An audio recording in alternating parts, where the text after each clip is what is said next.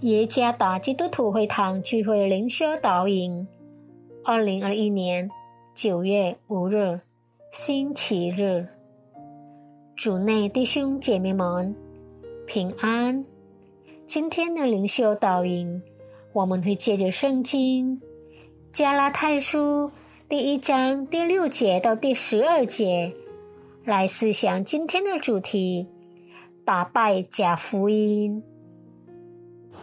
作者蔡国闪传道，加拉太书第一章第六节到第十二节。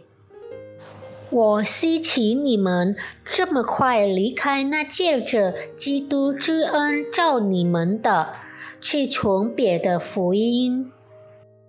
那并不是福音，不过有些人搅扰你们。要把基督的福音更改了，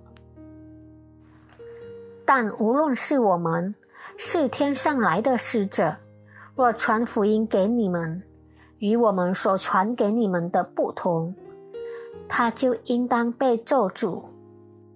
我们已经说了，现在又说，若有人传福音给你们，与你们所领受的不同，他就应当被做主。我现在是要得人的心呢，还是要得神的心呢？我岂是讨人的喜欢吗？若仍旧讨人的喜欢，我就不是基督的仆人了。弟兄们，我告诉你们，我素来所传的福音，不是出于人的意思。因为我不是从人领受的，也不是人教导我的，乃是从耶稣基督此世来的。在与一个年轻人的谈话中，他讲述了最近几个月的灵命体验。他非常热衷于通过讲座学习基督教信仰。然后他被他的朋友邀请他去参加一个教派，他非常活跃的参与，甚至他还参与了传教的活动。然而他没有意识到自己被一种否认三一神存在。和耶稣基督救恩的教义所困。他曾经认为，在讲台上发言的人不可能传达出不符合上帝话语的信息。另外，那里的牧师说不可以批评原讲者，相信就是了。值得庆幸的是，有一个教会群体提醒他异端的危险，并且需要对他所接受的教学采取严谨的态度。他醒悟过来，决定离开这教派。他以新的视角回到教堂敬拜。在这段经文中。保罗斥责并提醒加拉太信徒，保罗无法理解加拉太人的反应，并为此感到遗憾，因为他们这么容易迷迷糊糊的随从其他福音。第六节，其实。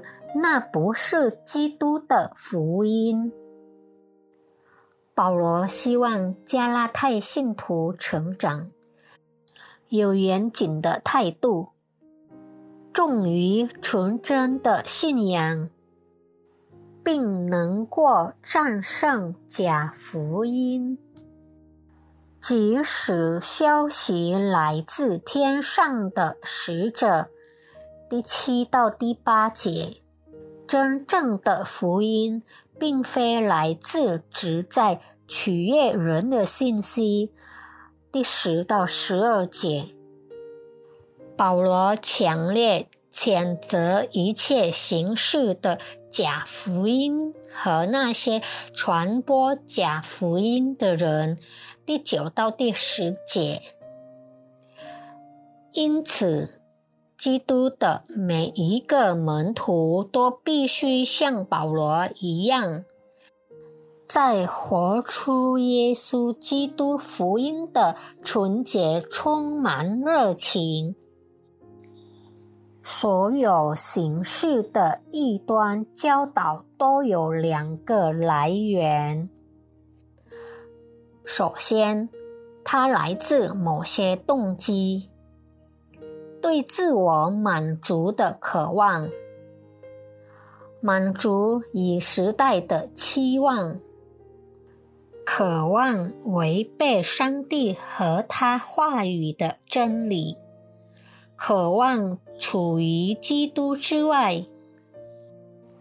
第二，缺乏完全认识神话语的渴望，没有渴望完全去爱和服从上帝的话语，所以。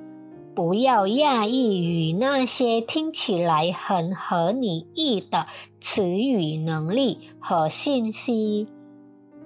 这一切需要根据圣经的教导被考验和纠正。我们所要思考的是：我们是否渴望探索神的福音，并顺服他的福音？还是说，你很容易邀请一位教导合你意的老师？作为基督的门徒，必须真正了解他真理的福音，并意识到各种错误的教导。愿上帝赐福大家。